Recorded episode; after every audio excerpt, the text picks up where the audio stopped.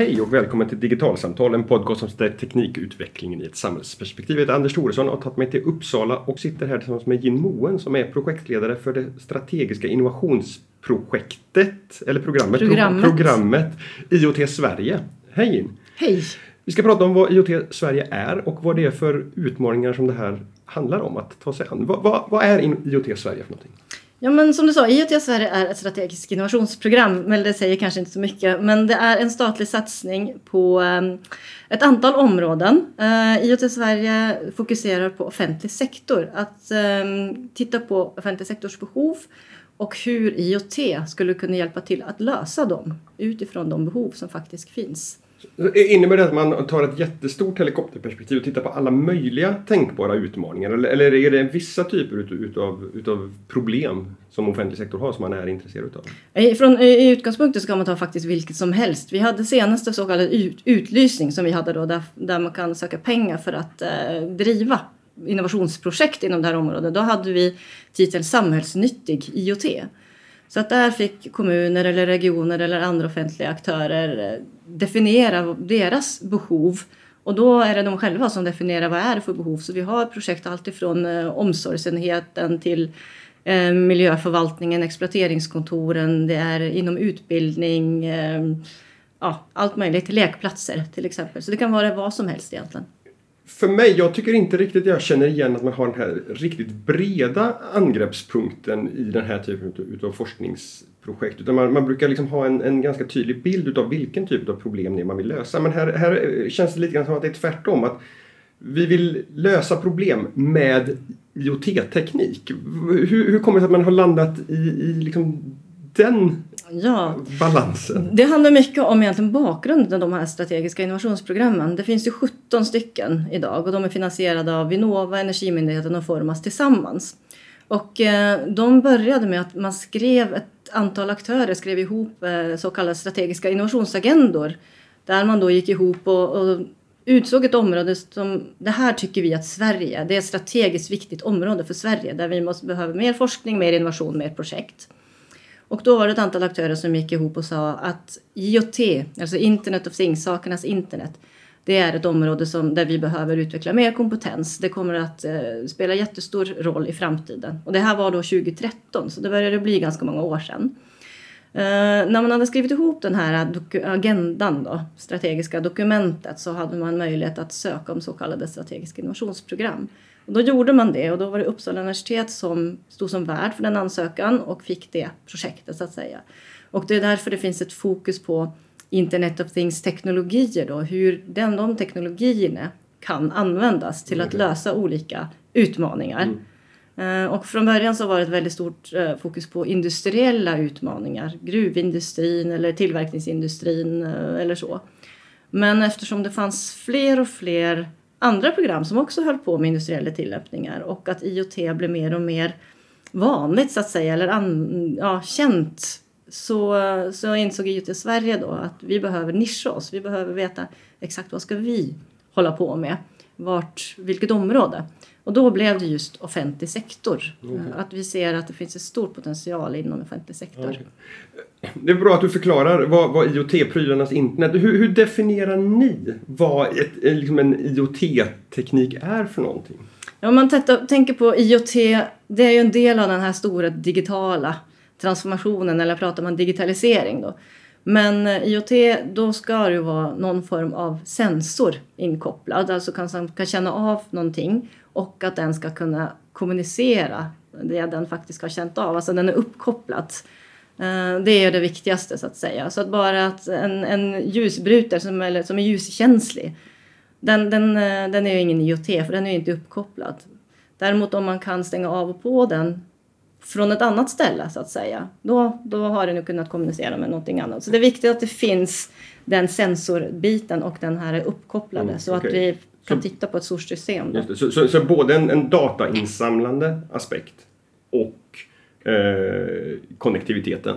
Ja, mm. och tanken är ju då när man har, har de delarna så kan man också börja ta beslut och börja automatisera kanske så småningom vissa saker. Så mm. att, eh, det är inte bara informationsinsamling men det är också informationsbearbetning då. Men Det ligger ju till, till grund för att man har de här sensorerna man kan samla in, in data. Eh, hur, hur länge har det här forskningsprogrammet funnits? Ja, det har funnits sedan 2014. Mm. Uh, så att, det börjar ju bli några år och som sagt sedan 2016, 2017 ungefär så har vi haft fokus på, på offentlig sektor och utmaningarna inom just offentlig mm. sektor. Vad är det för typ av utmaningar som, som syns i era, era projekt just nu? Ja, vi har 13 så kallade IoT-hubbar då, som är lite större projekt. Eh, och där har vi två stycken bland annat inom omsorg. Det är omsorgsförvaltningar, socialförvaltningar i kommuner som eh, tittar på bland annat ehm, äldreboenden, hur man kan utrusta dem med sensorer för att eh, minska tillsyn eller onödigt tillsyn till exempel. Också för att kunna öka de boendes integritet till exempel. Eh, vi har också inom fast, smarta fastigheter, smarta, diverse olika smarta städer, luft vattenövervakningar, breddningsproblematik och så. Eh, men också inom skolan. Eh, allt ifrån livsmedelshantering till hur man kan optimera den lärsituationen i en skola då, med hjälp av eh, information från sensorer, att man agerar på det. Men vi har också lekplatser, teknikförstärkta lekplatser hur man kan öka eller uppmuntra barn och unga till mer fysisk aktivitet i utomhusmiljöer.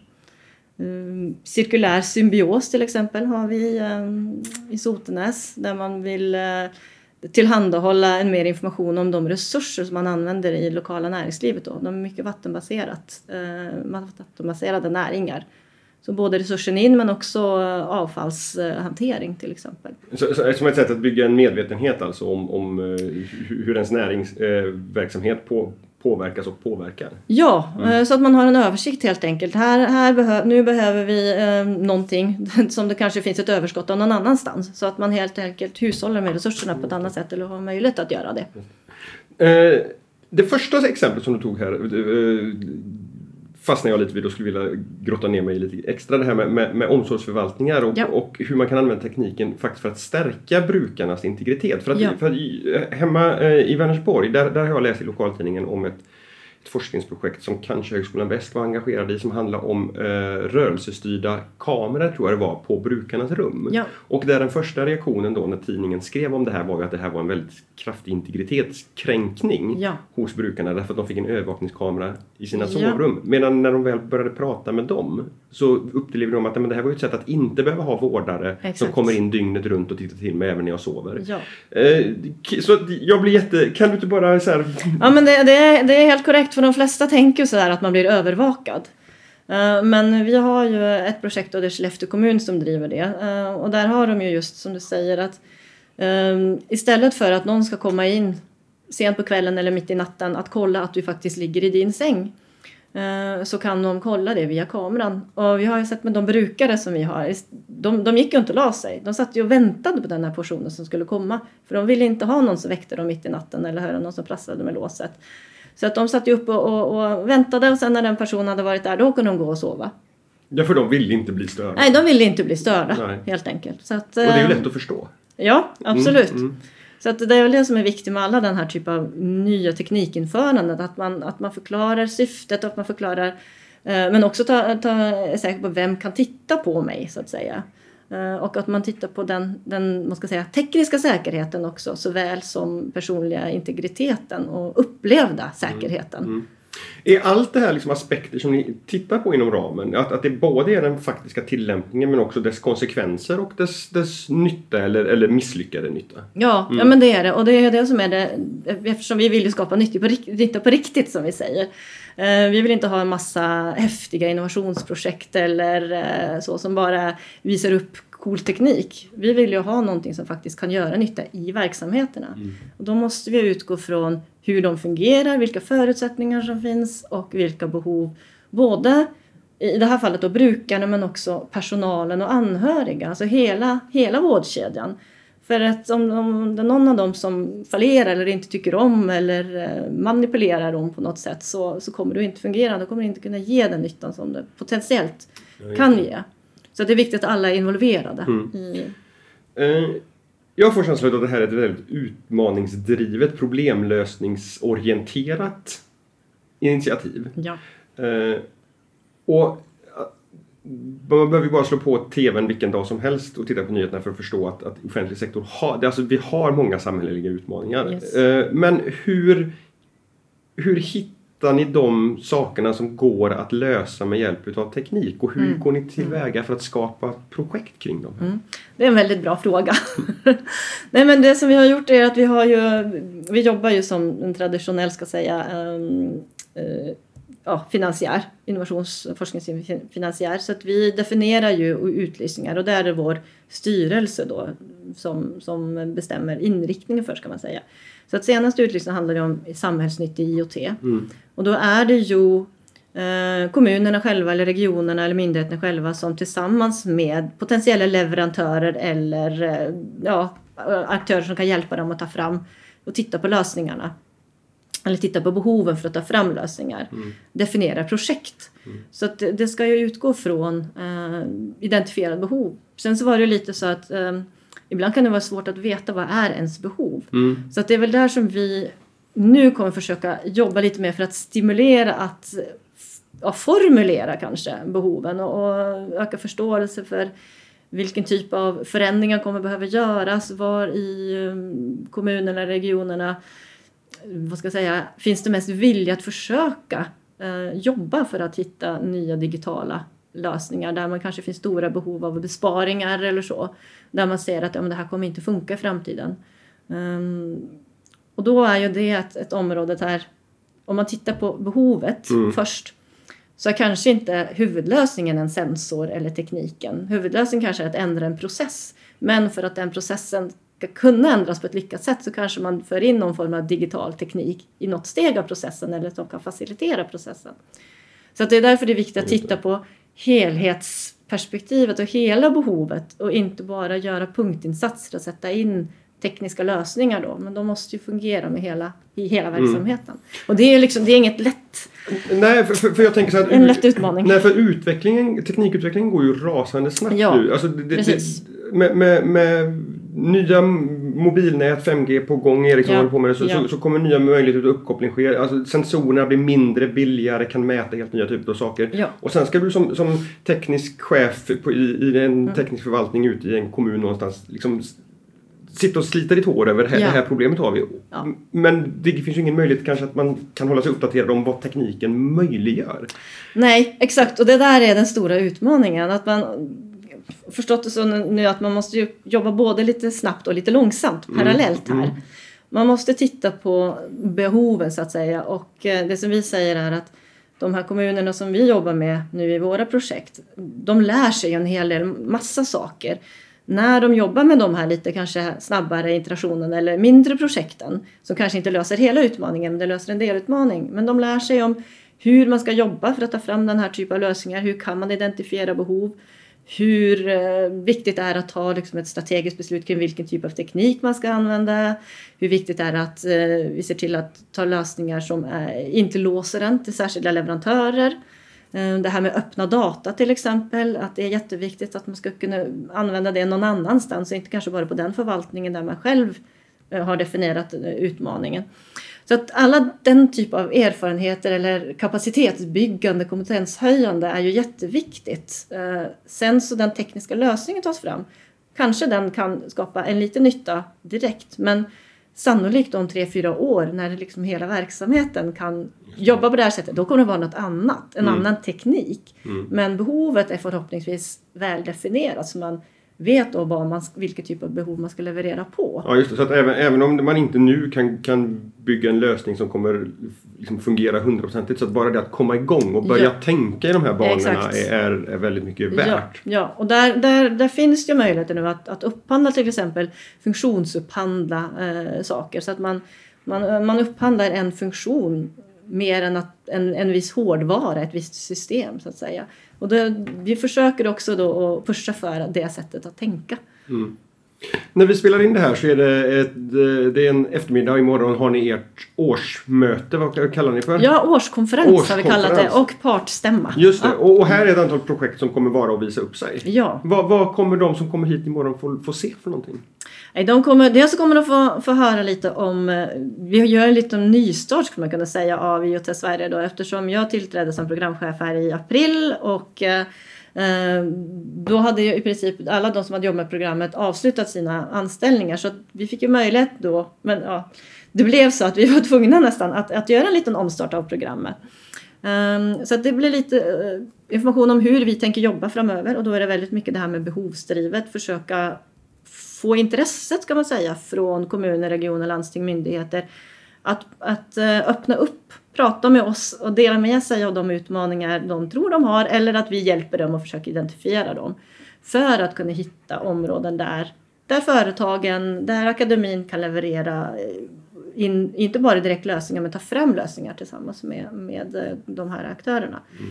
Men vi har ju som sagt 13 pågående större projekt. De kommer presentera vad de eh, jobbar med, vilka typer av utmaningar de har och vad, vilken typ av nytta de tror att de kommer att kunna generera. Då. Mm. Sen så har vi lite andra satsningar också på det vi kallar strategiska projekt.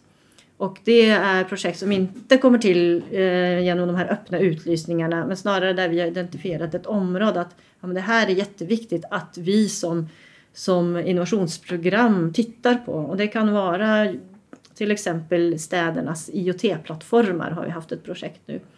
Där det finns um, smarta, smarta städer är ju också ett så här stort buzzword som, mm. som väldigt många pratar om. Eh, men vad innebär det om en, om en stad eller ett samhälle ska vara, vara smart så att säga?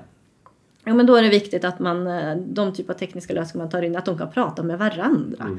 Så att man Definierar in... protokollen, API-erna och så Ja, mm. och, och egentligen på ett ganska mer ett, ett ramverksnivå så att säga. Så att, eh, ska, du köpa, ska en stad eller en kommun köpa in någon form av plattform så tänk på då att ja, men man har olika typer av sensorer, man vill ha olika typer av sensorer. De ska kunna ha, kommunicera och leverera datat till olika typer av kanske tjänsteleverantörer sen. Och då måste man ha det på ett format som är standardiserat. Så att man inte är låst till en tjänsteleverantör till exempel. Mm. Så den typ av um, kunskapsbyggande rekommendationer jobbar vi också med. Då.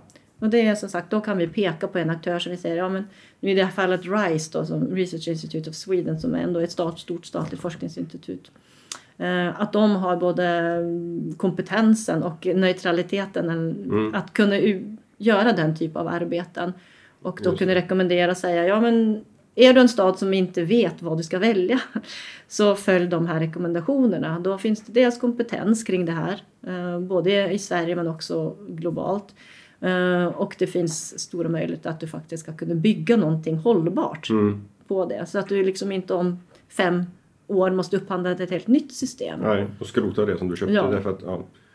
Eh, du, du har antytt ett par gånger här men det som kallas för triple helix känns som att det är en viktig del. Liksom ja. Samarbetet mellan det offentliga, mellan näringsliv och, och uh, akademin. Ja.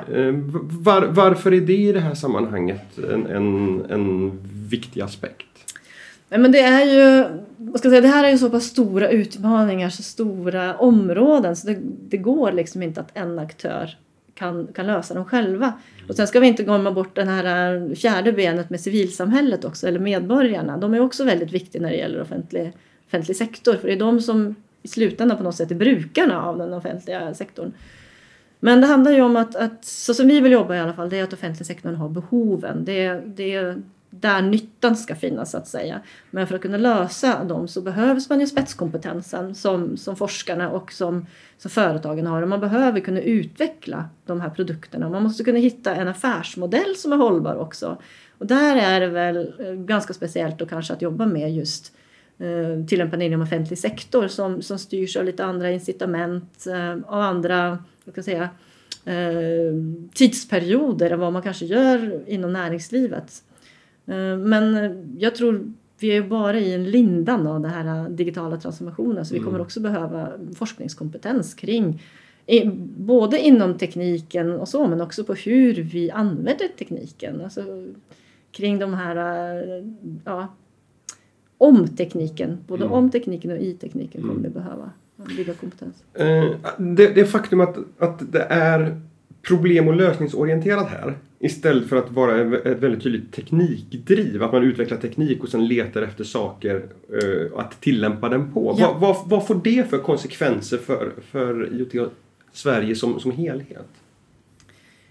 Alltså, på ett sätt så kan det väl vara att man... Um, det kanske är svårare att visa på konkreta resultat. Mm.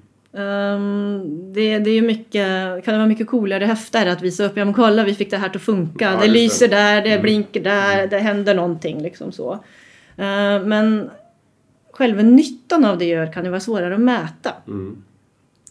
Uh, samtidigt så får man ju se, alltså samhället är ju någonting som man vill det är, ganska någonting grundläggande stabilt långsiktigt. Så där kanske man inte nödvändigtvis ska mäta nyttan på det sättet. Men det handlar ju också om att eh, människorna som kring tekniken, att de är nöjda, att de känner mm. att det är meningsfyllt egentligen. Att både använda och eh, ja, se vad det här kan användas till. Mm.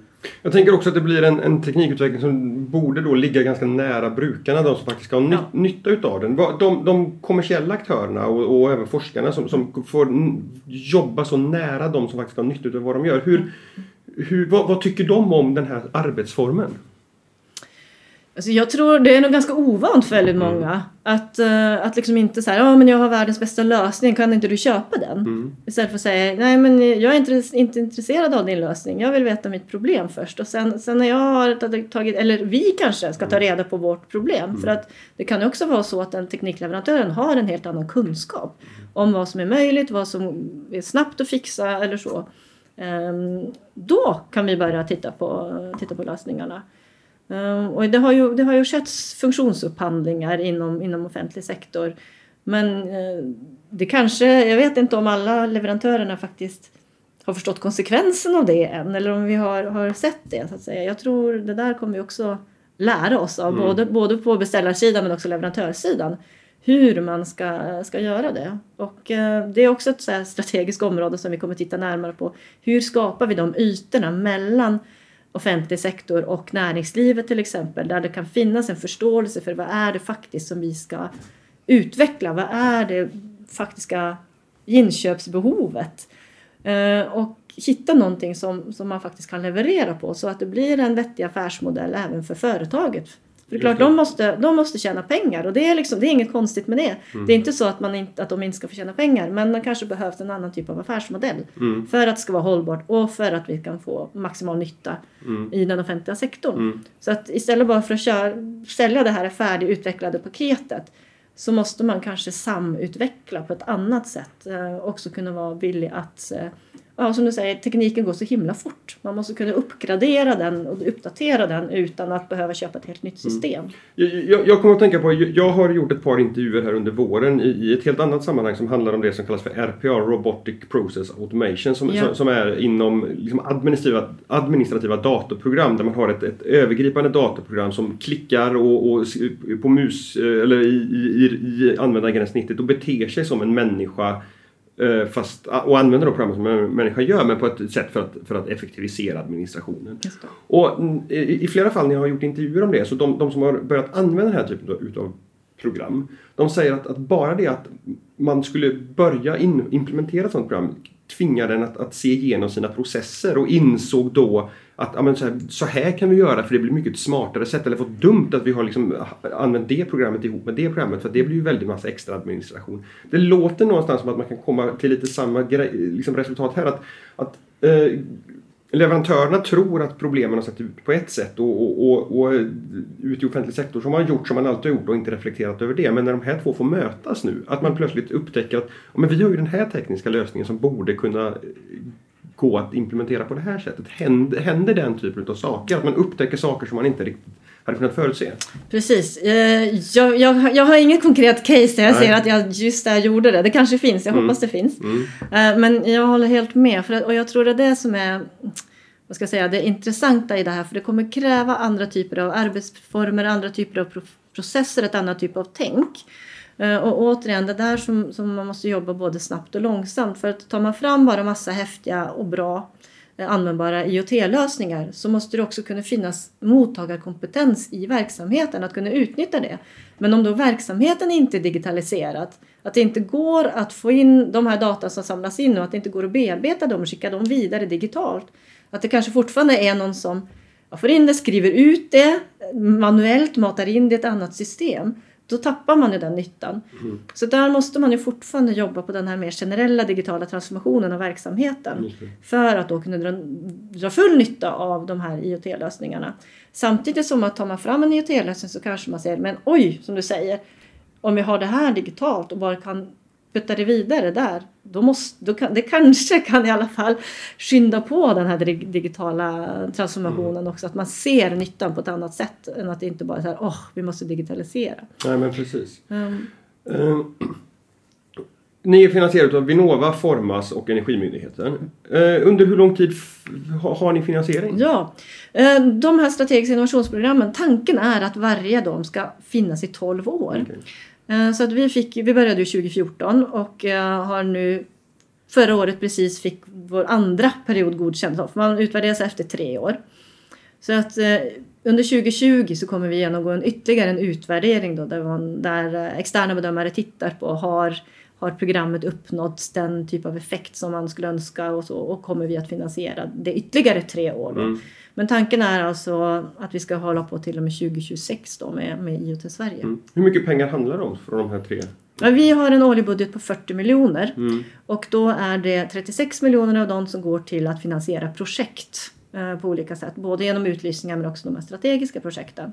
Och sen så är det 4 miljoner som går till drift av programmet. Mm, till, till programkontoret och stödja de här finansierade projekten så att se till att de faktiskt levererar och eh, mm. ja, mm. får det de behöver. Och de strategiska projekten det handlar om saker som, som liksom ligger som ett, ett paraply över eller som en infrastruktur för framtiden och, och som ni då själva på något sätt bestämma att det här satsar vi på för att det lägger grunden. Ja, där, ja. där har man liksom en annan typ av möjlighet att vara lite snabbare så att mm. säga. Att, att kunna initiera eller ta fram initiativ och titta på det. Samtidigt ska de också vara vad ska jag säga, en transparent Absolut. process. Ja, ja. Eh, så, så att eh, det är alltid öppet vem som har fått pengar för att göra vad till exempel.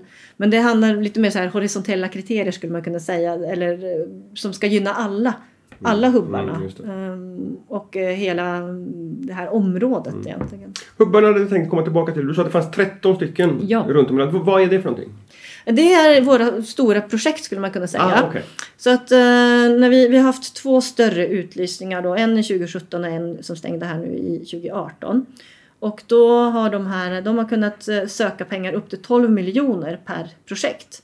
Och de projekten varar från två till tre år. Eh, de pengarna som de får i bidrag de ska matchas med minst lika mycket från eh, ja, privata eller offentliga aktörer. Mm. Så att projekten har en budget upp mot ja, 25-26 miljoner, några av de största. Då. Ehm, så att tanken i dem är ju att de ska ja, upparbeta en kompetens, lära sig om att jobba med IoT inom ett visst eh, område. Som vi nämnde tidigare, mm. omsorg eller lekplatser eller mm. eh, friluftsliv eller så.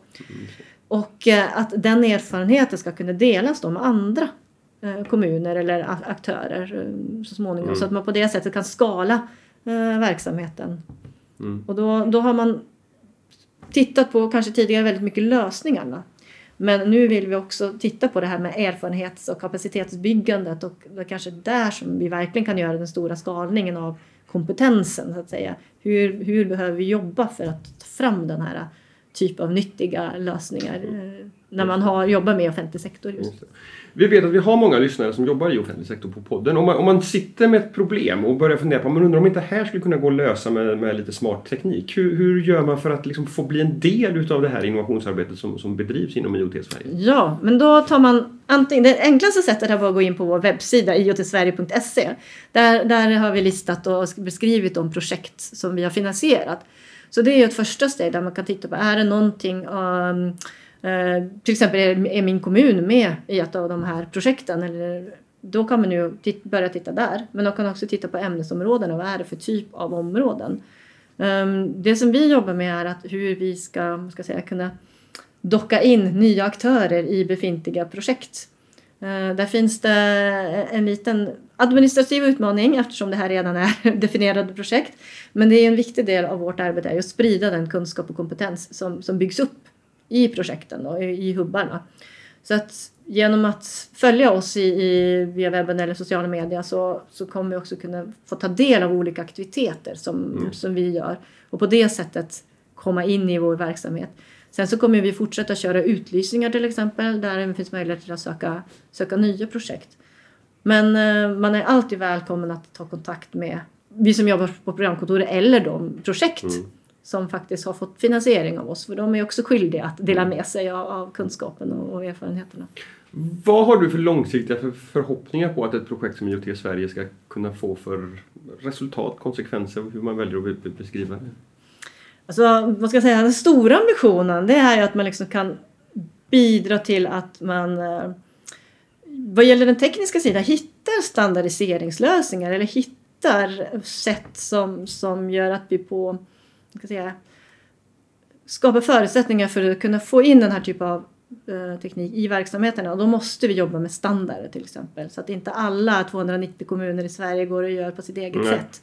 Att man bidrar till den förståelsen att, att det här är Ja, dels har vi 290 kommuner i Sverige. Sen ska vi börja samarbeta med våra grannländer eller på andra sidan av jorden. Vi var ju till exempel i Chile här för några veckor sedan med ett av våra projekt som har en projektpart i, i Santiago. Okay. Och eh, de har exakt samma utmaningar som oss. Så att om vi ska kunna verkligen få lösning på globala problem så måste vi börja tänka gemensamt. Eh, och få bidra till det tänket, det hade varit väldigt kul. Um, sen, så, sen så vet du ju det är svårt. Man, mm. man är lite protektionistisk av, av natur nästan och det finns andra strukturer som gör att det kan vara svårt att dela med sig. Men det är också någonting där man kanske kan få vara med och pusha gränserna lite och, och tänja på den och kanske få upp ögonen för vart man behöver ändra i systemet mm. för att få igenom den här typen av verksamhet. Återigen eftersom det krävs ett helt annorlunda tänk och förhållningssätt kanske till, till hur man har jobbat eh, tidigare. Mm. Jim, stort tack för att du tog dig tid att berätta för oss om IoT Sverige. Stort tack för att jag fick göra det. Och till er som har lyssnat, eh, gå gärna in på vår Facebook-sida Digitalsamtal och gilla oss där och delta i diskussionen om avsnittet eller tipsa oss om framtida gäster i podden. Det kan ni också göra genom ett mejl till podcast.digitalsamtal.se. Och med det så tack för den här veckan och på återhörande nästa onsdag. Hej så länge!